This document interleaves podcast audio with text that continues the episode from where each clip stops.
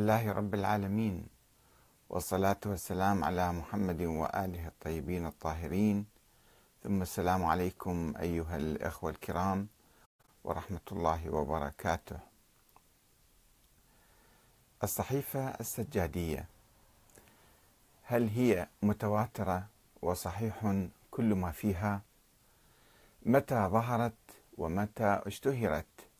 وهل كان الإمام زين العابدين يؤيد الفتوحات الأموية ويدعو على شعوب العالم كلها بالفناء وبالإبادة؟ كما يوجد في دعاء الثغور مثلا وهل هذا الدعاء صحيح؟ ينسب إلى الإمام زين العابدين أم هو دعاء مزور ومكذوب على الإمام؟ نحاول أن نلقي نظرة خاطفة آه، لأن البحث أنا كما كتبته طويل حول هذا الموضوع ونشرته في صفحتي. آه، أنا أحاول أن أختصر النقاط التي وردت في هذا المقال. أولا آه، أدعية الصحيفة السجادية هي من أروع الأدعية الموجودة عند الشيعة حقيقة. كلها تمجيد لله وتوحيد لله وعبادة لله ومناجاة لله تعالى. آه، فعلا أدعية رائعة وجميلة جدا. ولكن السؤال هو حول نسبتها للإمام زين العابدين والكلام حول بعض آه، ما ورد فيها.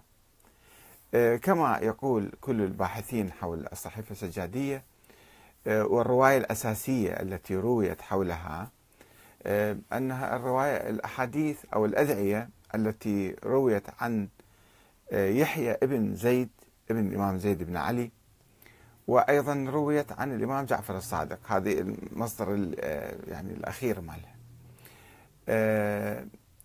هذه الأدعية يقال أنها كانت 75 دعاء ولكنها أصبحت 54 دعاء فقد منها آه، بعض الأدعية حسب ما يقول الراوي اللي يروي هذه الصحيفة السجادية.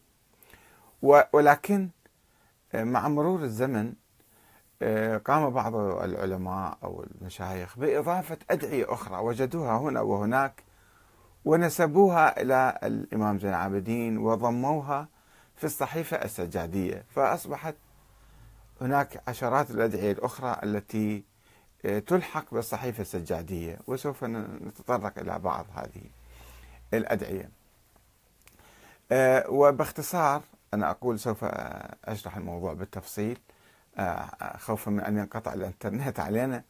أن هذه الصحيفة ظهرت في القرن السادس الهجري. لم يكن نعرفها الشيعة من قبل لأنها كما يقول الراوي كانت موجودة في خزانة الإمام علي وكانت آه، يعني سرية وكانت مكتومة ومقفول عليها بأقفال. ما أدري ليش مقفول عليها بأقفال. إذا كانت الأدعية جميلة ورائعة لماذا لم ينشرها الإمام زين العابدين في وقته ولم ينشرها أئمة أهل البيت؟ الإمام الصادق مثلا. لماذا كانوا يحافظون على سريتها؟ وماذا فيها من يعني من أخطار حتى الأمويين أو لمن بعدهم؟ فهذا شيء يعني مريب حقيقة. أن لماذا كانت سرية ولماذا بقت مخفية؟ حتى القرن السادس الهجري حتى ظهرت و يعني انتشرت بشكل محدود ولم تنتشر بشكل واسع ولم يعرفها عامة الشيعة إلا في القرن الحادي عشر أيام المجلسي الدولة الصفوية أبو الشيخ آه، المجلسي محمد باقر المجلسي اللي هو اسمه محمد تقي المجلسي والده هذا يقول أنا كنت طفل صغير شاب أوائل بلوغي. رأيت الإمام المهدي في الحلم في المنام وأشار لي إلى هذه الصحيفة ورحت بحثت عنها وجدتها في مكتبة ثم أخذت سندها يعني من الإمام المهدي. ولذلك يقول أن سندها يعتبر مليون مرة ألف ألف مرة معتبر هذا السند لأنه رآه في المنام. هذا كلام أيضا كلام عجيب غريب يعني. ومنذ ذلك الحين انتشرت الصحيفة في كل البلاد الإسلامية الشيعية يعني. هذا أيضا هذه نقطة مهمة جدا. فيها ثلاث نقاط أخرى. في الرواية الأولية مالتها أنه الإمام الصادق هذاك الراوي اللي البلخي ابن المتوكل ما أعرف منه اسمه أيضا غريب يعني حقيقة. آه، يقول أنه الإمام الصادق أخبر يحيى بن آه، زيد بأنه مقتول ومصلوب كأنه عنده علم غيب.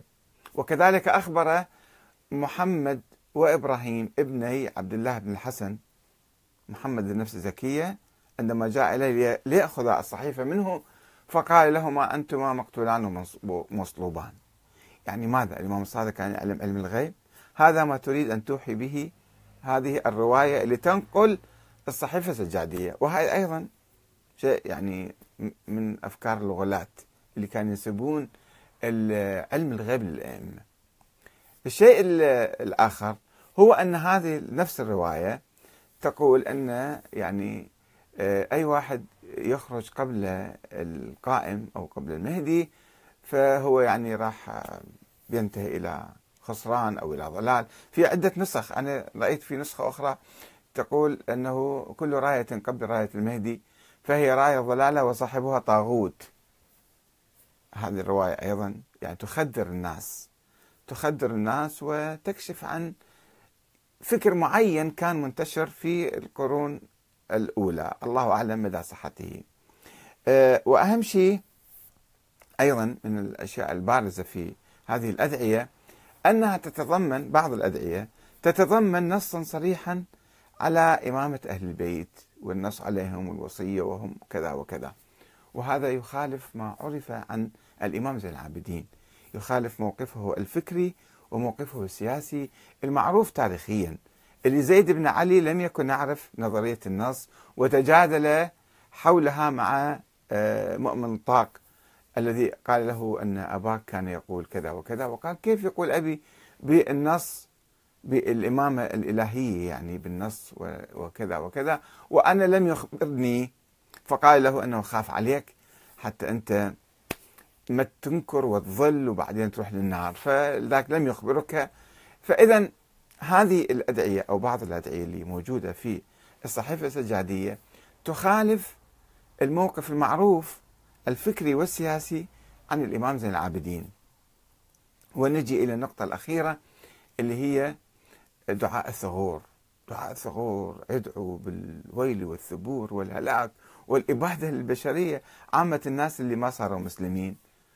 وهم ما كانوا يحاربون المسلمين ذيك الأيام. الأمويين كانوا يهاجموهم ويعني يدعون الفتوحات ويسلبون ويقتلون وينهبون ويأسرون ويسبون النساء. فهل من المعقول أن الإمام زين العابدين يصطف إلى جانب الأمويين ويؤيدهم ويدعو على الشعوب العالم كلها بالهلاك والثبور والموت؟ ونشوف سنقرأ بعض الأدعية. هذا اللي استوقفني من لذلك أنا أقول أكرر مرة أخرى. أنا لا أريد أن أشكك أو أثبط الناس عن قراءة الأدعية فعلا الأدعية الموجودة فيها رائعة جدا ولطيفة جدا. وبعض الناس يعني ينظرون إلى التشيع من خلال صحيفة الصحيفة السجادية. هذا التراث العظيم للشيعة ولأهل البيت. وفعلا من, من اللي كتب ما علينا فيه من اللي كتب هذه الأدعية؟ أدعية دعاء مع الله تعالى. أي إنسان يمكن يدعو بأي دعاء يكون لطيف. ولكن مع الحذر مع الحذر من بعض الأشياء الدخيلة في هذه الأدعية اللي يجب العلماء أن يقوموا بتنقيحها وتنقيتها. مع الأسف كل العلماء الذين جمعوا الأدعية ونسبوها إلى آه، الإمام زين العابدين في هذه الصحيفة السجادية وهذا شيء خطير طبعا. آه، لازم يكون في تحقيق وتدقيق وكذا. مو وحسب ايديولوجيته وحسب الفكر اللي يقبل به فيقبل كل دعاء. وبعض الناس كما تعرفون يبنون كل عقائدهم وتصوراتهم لله تعالى وللكون وللإسلام ولكل شيء من خلال الأدعية. والأدعية أنا تحدثت عدة مرات عنها. تلعب دور كبير في تكوين وتأليف وبناء العقل الشعبي الشيعي. الناس من القرآن ما يفتهموا إذا يقروا عامة الناس يعني أقصد. وما يعرفون يميزون بين الأحاديث الصحيحة والموضوعة المنسوبة لأهل البيت فيأخذون أفكار الغلاة ويأخذون أفكار المنحرفين وربما أيضا فيها سب ولعن وتطرف وكذا في الأدعية اللي في مفاتيح الجنان مثلا. زيارة عاشوراء وزيارة الجامعة وزيارة كذا اللي كلها موضوعة ومفتعلة وفيها تطرف وعنف. ولكن هذه الصحيفة السجادية إلا إذا شلنا دعاء الثغور فما فيها شيء يعني عنيف حقيقة. فيها بعض الأفكار الإمامية اللي يمكن بعض الإمامية اللي نشأوا بعد زين العابدين دسوها في آه، الصحيفة السجادية. فإحنا ما نقدر نعتبر كل ما ورد في الصحيفة السجادية أنه هذا متواتر كما يقول بعض العلماء. أو صحيح أو كله يعني هذا. صحيح. يعني إحنا بعض الناس ينظرون بعض العلماء ينظرون إلى جمال الأدعية وبلاغتها ومنطقها فيقول لك هذا خلص ادعيه كأنها نازلة من السماء. فعلا بعض العلماء يقولون كأنها موحى بها هذه الأدعية أو واردة عن رسول الله مثلا. وهذا مو ثابت يعني مجرد تكهنات ومجرد تحليل.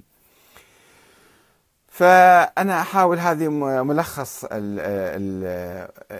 محاضرتي هذا اليوم عن الصحيفة السجادية وسوف أقرأ بسرعة بعض ما كتبته لتوضيح هذه النقاط والاستشهاد بها وتفصيلها يعني.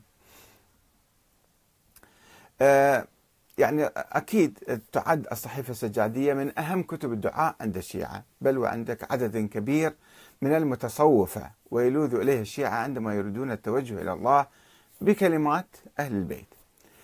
آه، معظم الأدعية الواردة في الصحيفة هي قمة في التوحيد والتذلل أمام الله تعالى وإخلاص العبودية له ونفي الأسمى والإقرار بالذنب والمعاصي. يعني الإمام هو ينفي عن نفسه الشيء هذا. طبعا يأولوه الإمامية بعدين. ورجاء التوبة وهي رقيقة الأسلوب عذبة المعاني تؤكد أن قائلها ما هو إلا عبد خاضع لربه يطلب حاجته مستكينا ويرجو عفوه ورحمته. ما يتوسل بأي واحد آخر. وحقيقة لو إحنا قرأنا هاي الأدعية يعني آه، كثير يعني إيماننا يتطور بالله تعالى أو يتعمق. آه، البعض يعتبر هذه الصحيفة ويسميها زبور آل محمد أو إنجيل آل محمد. المهم سمع لنا بالأسماء ولكن آه، البعض وثقها بصورة يعني مئة بالمئة.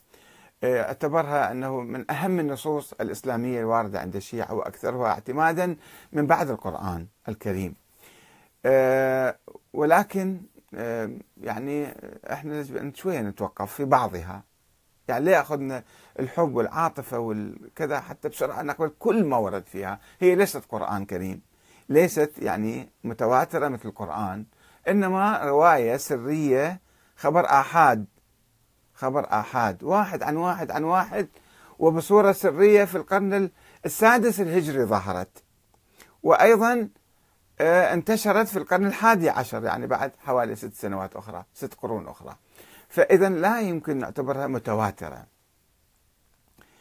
آه، يقول راوي الكتاب في المقدمة أن هذه الأدعية كانت أولا 75 دعاء فقد منها أحد عشر دعاء وما يعرف اليوم بالصحيفة السجادية الكاملة يحتوي على مجرد 54 دعاء. ويذكر هنا أن هناك أدعية أخرى عن السجاد تذكرها كتب الأدعية والروايات.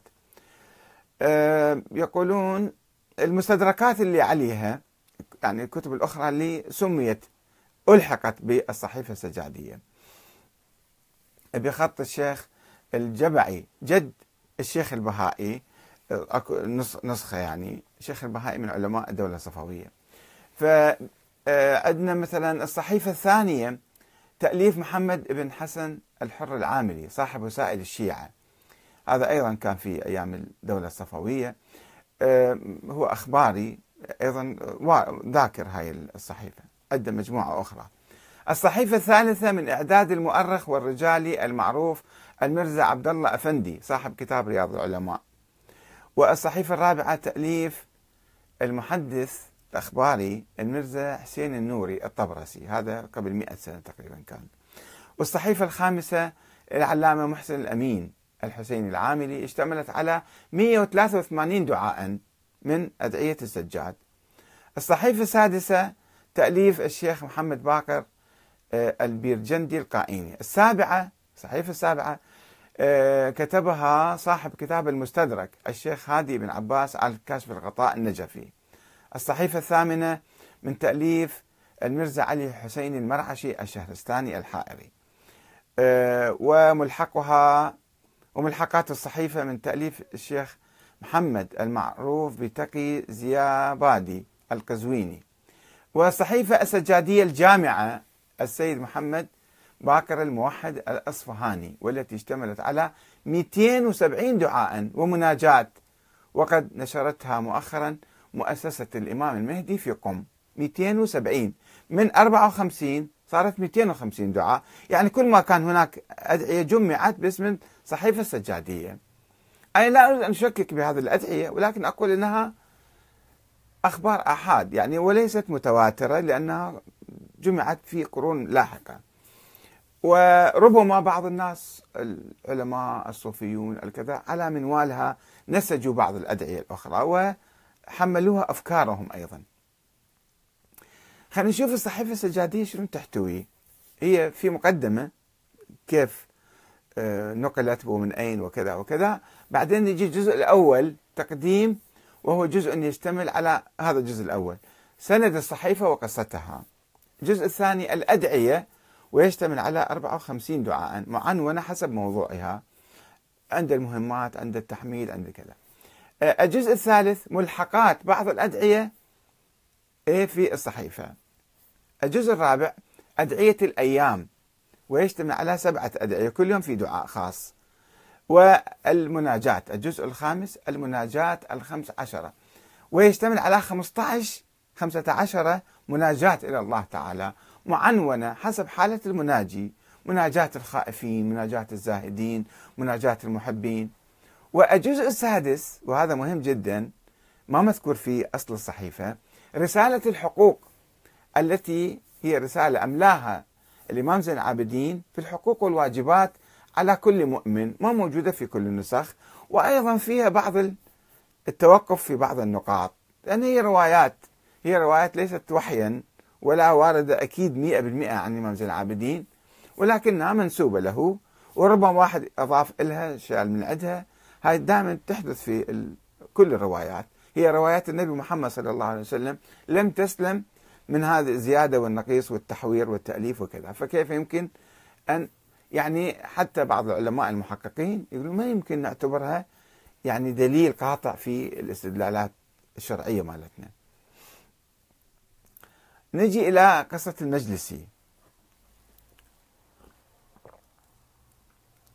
حسب ما ينقل الشيخ أغا بزرق الطهراني وهذا عالم كان قبل حوالي 60 70 سنة توفى كان ينقل آه، يعني كتب الشيعة في التاريخ وكذا ويذكر هاي الصحيفة يقول هي الصحيفة الأولى التي يرجع سندها إلى الإمام زين العابدين والتي خصها الأصحاب الشيعة يعني بالذكر في إجازاتهم واهتموا بروايتها.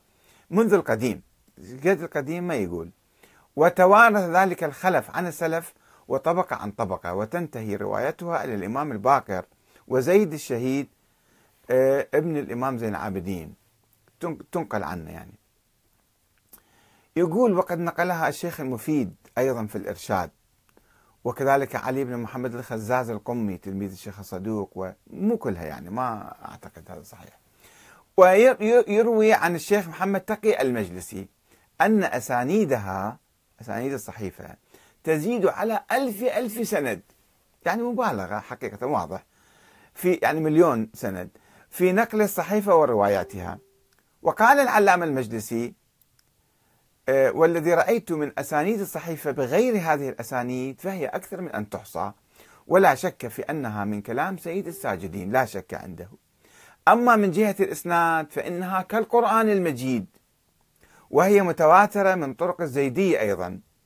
الزيدية نفس الرواية يروها بس يمكن تختلف مو مو كاملة عندهم مو كل الأحاديث يعترفون مو كل الأدعية يعترفون بها آه هذا في بحار الأنوار المجلس يذكر هاي القصة صفحة 50 جزء آه 107 صفحة 50 يقول شوفوا القصة هنا.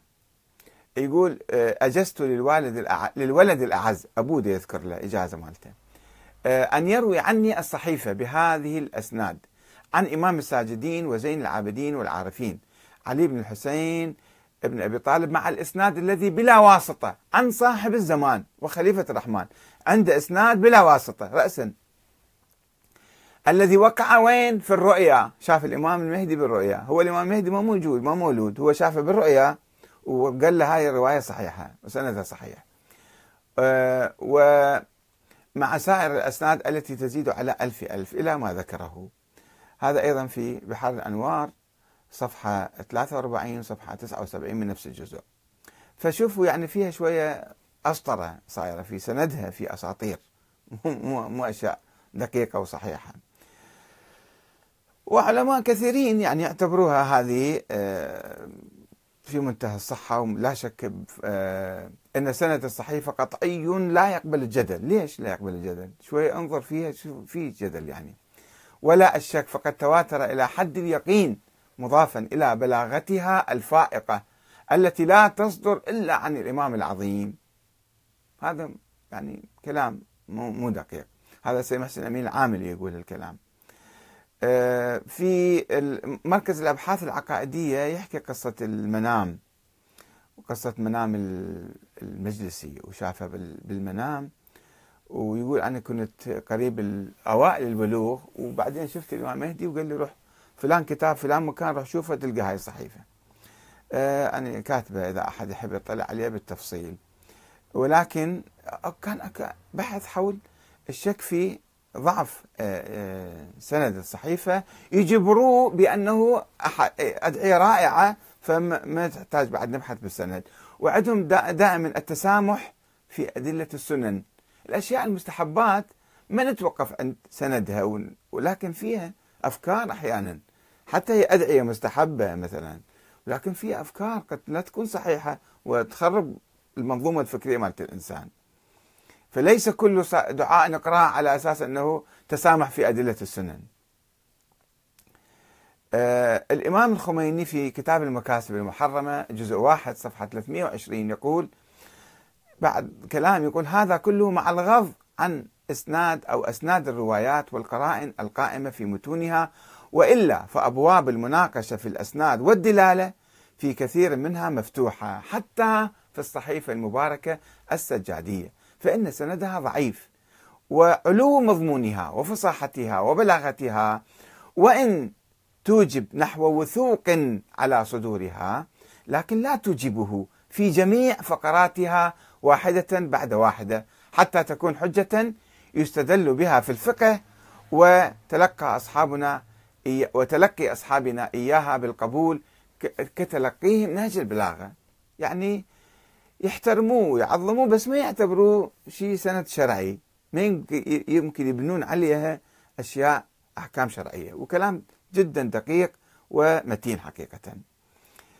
آه، فشوفوا هذا الراوي اللي يذكرها من القرن السادس الهجري. حدثنا السيد الفلان كذا آه، أخبرنا فلان أخبرنا فلان يجي إلى واحد عن واحد. يقول آه، أخبرنا الشيخ السعيد أبو عبد الله محمد بن أحمد بن شهريار الخازن لخزانة مولانا أمير المؤمنين في شهر ربيع الأول من سنة 16 وخمسمائة يعني في القرن السادس. قراءة عليه وأنا أسمع قال سمعتها على الشيخ الصدوق فلان بن فلان فهذا يروي الرواية. يعني في القرن السادس بدأت ظهرت في القرن السادس. يقول الراوي إلى أن يجي يقول حدثني آه، عمير ابن متوكل الثقفي البلخي عن أبيه متوكل ابن هارون. هذا في القرن الثاني الهجري في بداية القرن الثاني الهجري كما تقول الرواية. يقول لقيت يحيى ابن زيد بن علي وهو متوجه إلى خراسان بعد قتل أبيه فسلمت عليه فقال لي من أين أقبلت؟ قلت من الحج. فسألني عن أهله وبني عمه بالمدينة وأحفى السؤال عن جعفر بن محمد عليه السلام. فأخبرته بخبره وخبرهم وحزنهم على أبيه زيد بن علي عليه السلام. فقال لي قد كان عمي محمد بن علي الباكر يعني عليه السلام. أشار على أبي بترك الخروج. الباكر قال لزيد بن علي لا تخرج. آه، وعرفه إن هو خرج وفارق المدينة ما يكون إليه مصيره آه، مصير أمره. قال له أبويا فعلا عمي الباكر قال لأبويا لا تخرج تنقتل. طبعا الباكر توفى سنة 114 وزيد قام بالحركة بعد حوالي ثمان سنوات 122 فحسب الظروف حسب كذا هذا يريد يقول له إنه الباكر قال عمي قال لا تخرج راح تنقتل. شنو عنده علم غيب الباكر كان؟ يعني كلام شوف هذا أول الغلو إن هو فهل بعدين يقول لا هذا يحيى دي يقول اللي هو خرج أيضا بعد ذلك ولكن على لسانه تروى الرواية وأنا أشك فيها حقيقة.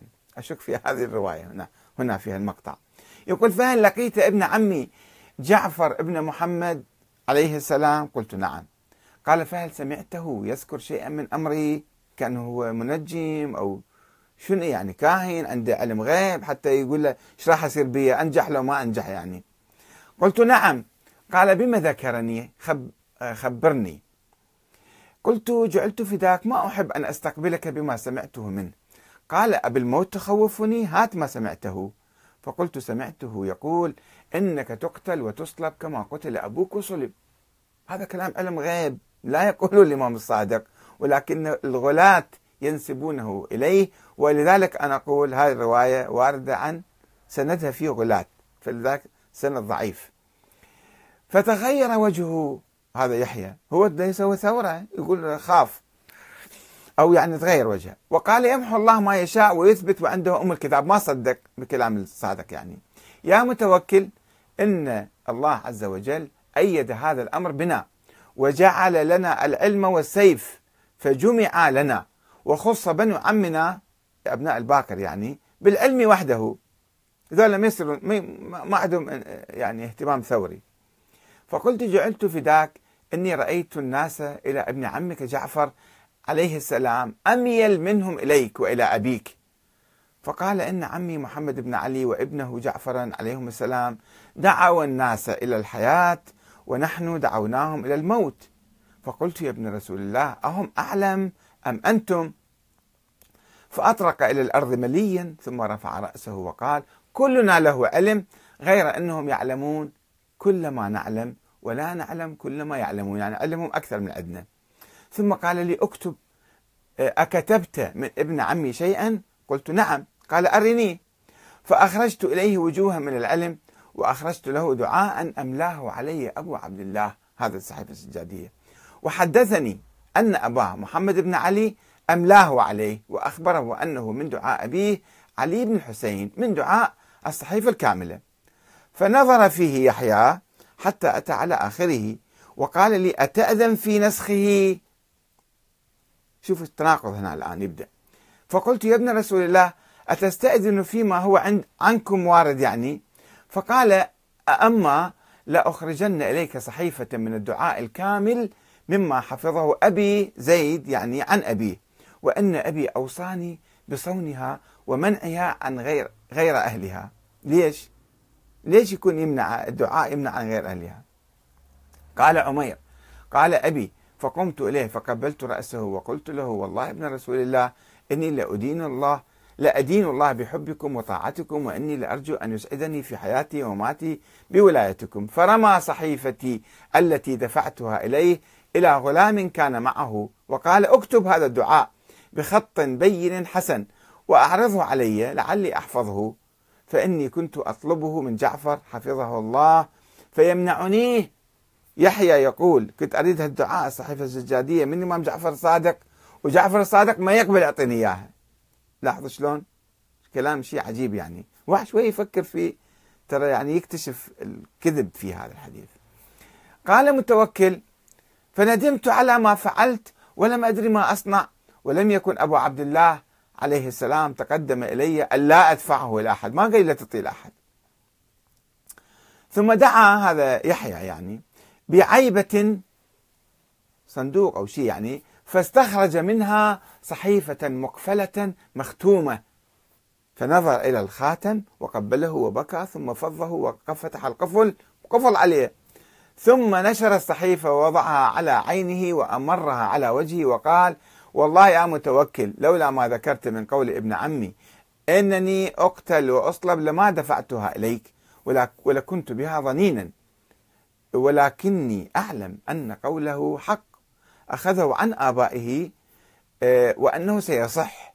فخفت أن يقع مثل هذا العلم إلى بني أمية فيكتموه ويدخروه في خزائنهم لأنفسهم. فاقبضها واكفنيها وتربص بها. فإذا قضى الله من أمري وأمر هؤلاء القوم ما هو قاض فهي أمانة أمانة لي عندك حتى توصلها إلى ابن ابن عمي محمد وإبراهيم ابن عبد الله بن الحسن. فإنهما القائمان في هذا الأمر بعدي. قال المتوكل فقبضت الصحيفة. فلما هو عنده الصحيفة واستنسخها من الإمام من هذا الرجل قال واحد روح آه، انسخ لي إياها. آه، فلما قتل آه، يحيى ابن زيد سرت إلى المدينة فلقيت أبا عبد الله فحدثته الحديث. أنا أحاول أختصر لأن الحديث طويل والوقت ما يسع كثير حقيقة. فبكى. يقول رحت للإمام الصادق وحدثته الحديث فبكى واشتد وجده به وقال رحم الله ابن عمي وألحقه بآبائه وأجداده. والله يا متوكل ما منعني من دفع الدعاء إليه إلا الذي خافه على صحيفة أبيه. وأين الصحيفة؟ فقلت ها هي. ففتحها وقال هذا والله خط عمي زيد ودعاء جدي علي بن الحسين عليهم السلام. ثم قال لابنه قم يا إسماعيل فأتني بالدعاء الذي أمرتك بحفظه وصونه. فقام إسماعيل فأخرج صحيفة كأنها الصحيفة التي دفعها إلي يحيى بن زيد. فقبلها أبو عبد الله ووضعها على عيني وقال هذا خط أبي وإملاء جدي عليهم السلام بمشهد مني. فقلت يا رسول الله يا ابن رسول الله إن رأيت أن أعرضها مع صحيفة زيد ويحيى يعطيها إلى محمد وإبراهيم فأذن لي في ذلك. وقال قد رأيتك لذلك أهلا فنظرت وإذا هما أمر واحد نفس الصحيفة ولم أجد حرفا منها يخالف ما في الصحيفة الأخرى. ثم استأذنت أبا عبد الله عليه السلام في دفع الصحيفة إلى ابني عبد الله بن الحسن. فقال إن الله يأمركم أن تؤدوا الأمانات إلى أهلها. نعم تدفعها إليهما. فلما نهضت للقائهما قال لي مكانك. ثم وجه إلى محمد وإبراهيم فجاء.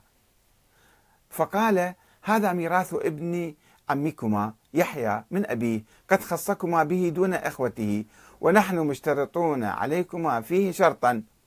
فقال رحمك الله قل فقولك المقبول.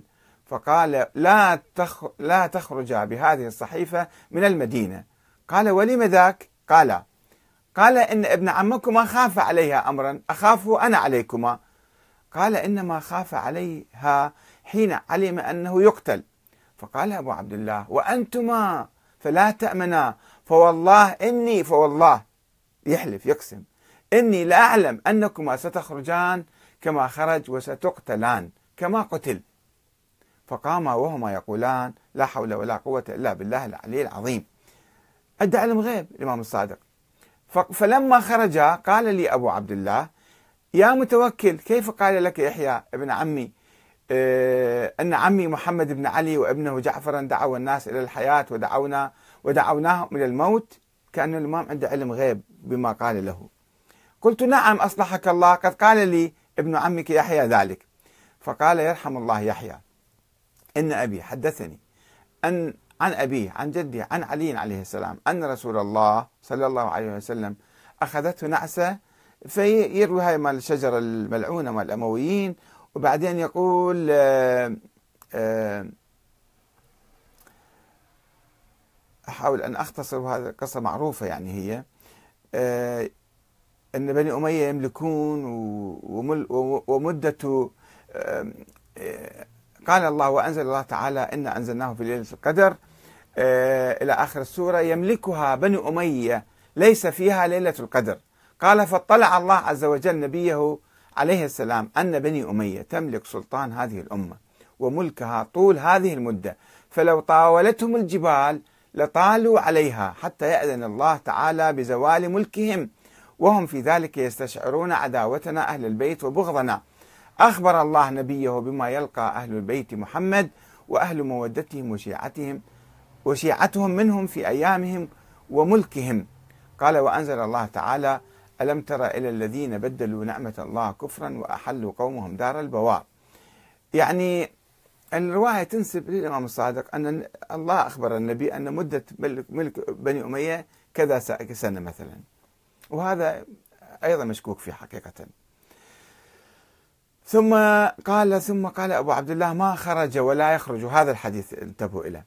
ما خرج ولا يخرج منا أهل البيت إلى قيام قائمنا أحد ليدفع ظلما أو ينعش حقا إلا اصطلمته البلية وكان قيامه زيادة في مكروهنا وشيعتنا.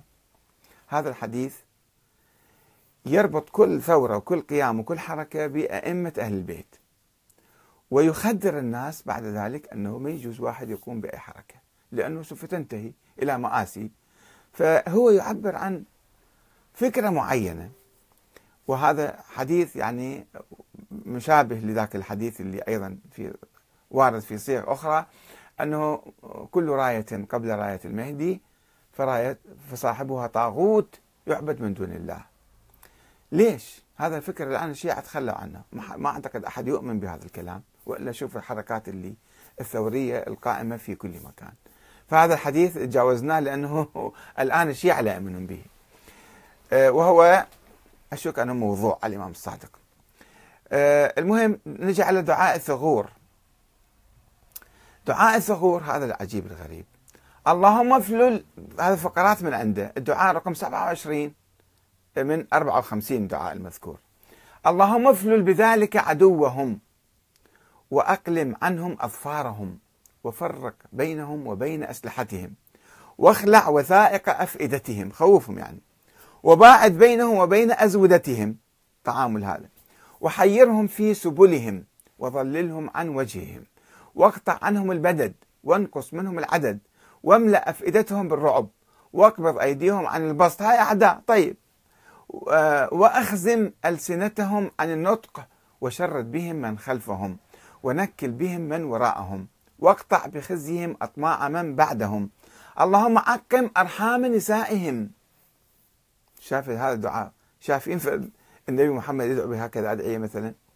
اللهم عقم أرحام نسائهم. ويبس أصلاب رجالهم. واقطع نسل دوابهم وأنعامهم. حتى البقر والغنم والجمال هذا موتها كلها. لا تأذن لسمائهم في قطر. حتى الأطفال شو يشربون ماي. لا مي لا تنزل آه، الماء عليهم. لا تأذن لسمائهم في قطر ولا لأرضهم في نبات. الله هذا مثل القنبلة النووية يعني. اللهم وقوي بذلك محال لأهل الإسلام وحصن به ديارهم وثمر به أموالهم وفرغهم عن محاربتهم لعبادتك ومنابذتهم وعن منابذتهم للخلوة بك حتى لا يعبد في بقاع الأرض غيرك ولا تعفر لأحد منهم جبهة دونك. اللهم اغزو بكل ناحية من المسلمين على من بإزائهم من المشركين وأمددهم بملائكة من عندك مردفين حتى يكشفوهم إلى منقطع التراب قتلا في أرضك وأسرا أو يقرون أو يقروا بأنك أنت الله الذي لا إله إلا أنت وحدك لا شريك لك. اللهم واعمم بذلك أعداءك في أقطار البلاد من الهندي والرومي والتركي والخزر والحبش والنوبة والزنج والسقالبة والديالمة وسائر أمم الشرك. يعني ما بقى شعب في الدنيا إلا موتهم كلهم.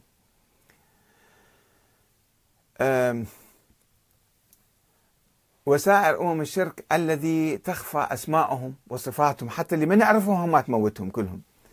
وقد أحصيتهم بمعرفتك وأشرفت عليهم بقدرتك. اللهم أشغل المشركين بالمشركين عن تناول أطراف المسلمين وخذهم بالنقص عن تنقصهم وثبتهم بالفرقة عن الاحتشاد عليهم. اللهم أخلي قلوبهم من الأمنة وأبدانهم من القوة وأذهل قلوبهم عن الاحتيال وأوهن أركانهم عن منازلة الرجال وجبنهم عن مقارعة الأبطال وابعث عليهم جندا من ملائكتك ببأس من بأسك كفعلك يوم بدر تقطع به دابرهم وتحصد به شوكتهم وتفرق به عددهم.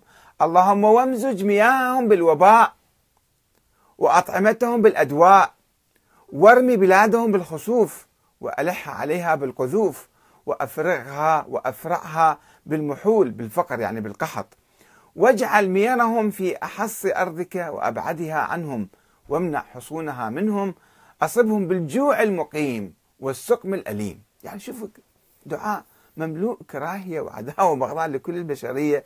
بحجة ماذا أن نريد يعبدون الله؟ طيب يعبدوا الله بال... الله يهديهم. الله جعلك أن تدعو على الناس بهذه الصورة وهم لم يقاتلوك ولم يهاجموك وإنما أنت اللي قاعد تهاجم. أنتم في الأمويين في زمن الأمويين. هذا الدعاء أنا ما أنفيه عن الإمام السجاد ولا أثبته ولا أقدر أقول هذا فعلا صدر عن الإمام السجاد. لا أعلم. أتوقف فيه وما أعتبره. أنا ما أخذ فيه بالحقيقة ولا أدعو بهذا الدعاء. طيب الآن نجي على موضوع آخر. موضوع العصمة والخلافة اللي كما قلت لكم في بداية الحديث أن الإمام زين العابدين ما كان معروف عنه يؤمن بنظرية الإمامة كالحسن والحسين والإمام علي. وإنما ظهرت هاي النظرية في القرن الثاني الهجري على أيام ولا أقول على يد على أيام وفي عهد الإمام الباقر والصادق ولا أدري صحة نسبة هاي النظرية إلى هذين الإمامين. يقول المهم في أحد أدعيته ربي صل على محمد وآل محمد المنتجب المصطفى المكرم المقرب أفضل صلواتك وبارك عليه بركاتك أتم آه، بركاتك. ربي صل على أطائب أهل بيته الذين اخترتهم لأمرك. الله اختار أطائب أهل البيت لأمره. وجعلتهم خزنة علمك وحفظة دينك وخلفائك في أرضك وحججك على عبادك وطهرتهم من الرجس والدنس تطهيرا بإرادتك. وجعلتهم الوسيلة إليك والمسلك إلى جنتك. ما هو الدعاء كله بدون وسيلة. ينفي أي وسيلة ما يتخذ الأئمة وسيلة. أنه تعال وسيلة إلى الله. مناجاة مباشرة مع الله. وهذا الدعاء شوفوا في نظرية معينة نظرية الإمامية. وهذه ما كانت معروفة لا عن الإمام زين العابدين ولا ابن زيد ولا عن الأئمة السابقين ولا حتى اللاحقين إلا أن تنسب إليهم في أوقات لاحقة. وأيضا هذا الصحيفة السجادية دعاء 47 الفقرة 56 ويقول في موضع آخر من الصحيفة اللهم إن هذا المقام لخلفائك وأصفيائك ومواضع أمنائك في الدرجة الرفيعة التي اختصصتهم بها قد ابتزوها وأنت المقدر لذلك. لا يغالب أمرك ولا يجاوز المحتوم من تدبيرك. حتى عاد صفوتك وخلفاؤك مغلوبين مقهورين مبتزين يرون حكمك مبدلا وكتابك منبوذا وفرائضك محرفة عن جهات أشراعك وسنن نبيك متروكة اللهم لعن أعداءهم من الأولين والآخرين.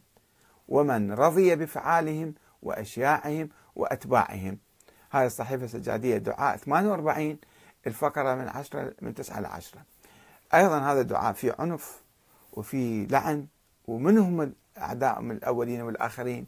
في نظرية الإمامة وحسب القراءة الإمامية للتاريخ الإسلامي أنه في نص على هؤلاء الأئمة وفي اغتصاب من من قبل أشخاص معينين لحقهم بالخلافة وبالتالي لازم نلعنهم ونسبهم هذا في تطرف. هذا الدعاء أيضا آه، يشك فيه بالحقيقة ففي آه، ختام الحديث. أن صحيفة السجادية فيها أدعية رائعة جميلة بديعة فعلا في منتهى التوحيد والحوار والحديث مع الله تعالى ومناجاة الله تعالى. ولكن أيضا خلينا نكون يعني لا نتطرف تماما آه، لا ننسب كلها الأحاديث الإمام وهي كما قلت لكم أن سندها خبر آحاد مكتوم سري لم تظهر هذه الصحيفة إلا في القرن الخامس السادس الهجري ولم تشتهر إلا بعد رؤيا محمد تقي المجلسي آه، للإمام المهدي بالمنام وقال له روح اقرأ هاي الصحيفة والقاها في فلان مكان. وهذا في شيء من الأسطرة يعني داخلة في ترويج هذه الأدعية. وبعد ما أتحدث عن بقية الأدعية اللي 240 250 حديث آخر دعاء آخر هي آه، الخلاصة مالتها اللي 7 45 آه، فيها كلام. فيها كلام وفيها أو 54 عفوا. 54 فيها كلام وفيها مناقشة فكيف بالأدعية الأخرى؟ لذلك يجب أن يعني نعرض الأحاديث على القرآن وعلى العقل وعلى يعني الاشياء الثابته الأحاديث الثابتة. وما نأخذ كل حديث على أنه وحي وكل دعاء وكل شيء على أنه وحي منزل من السماء. والسلام عليكم ورحمة الله وبركاته.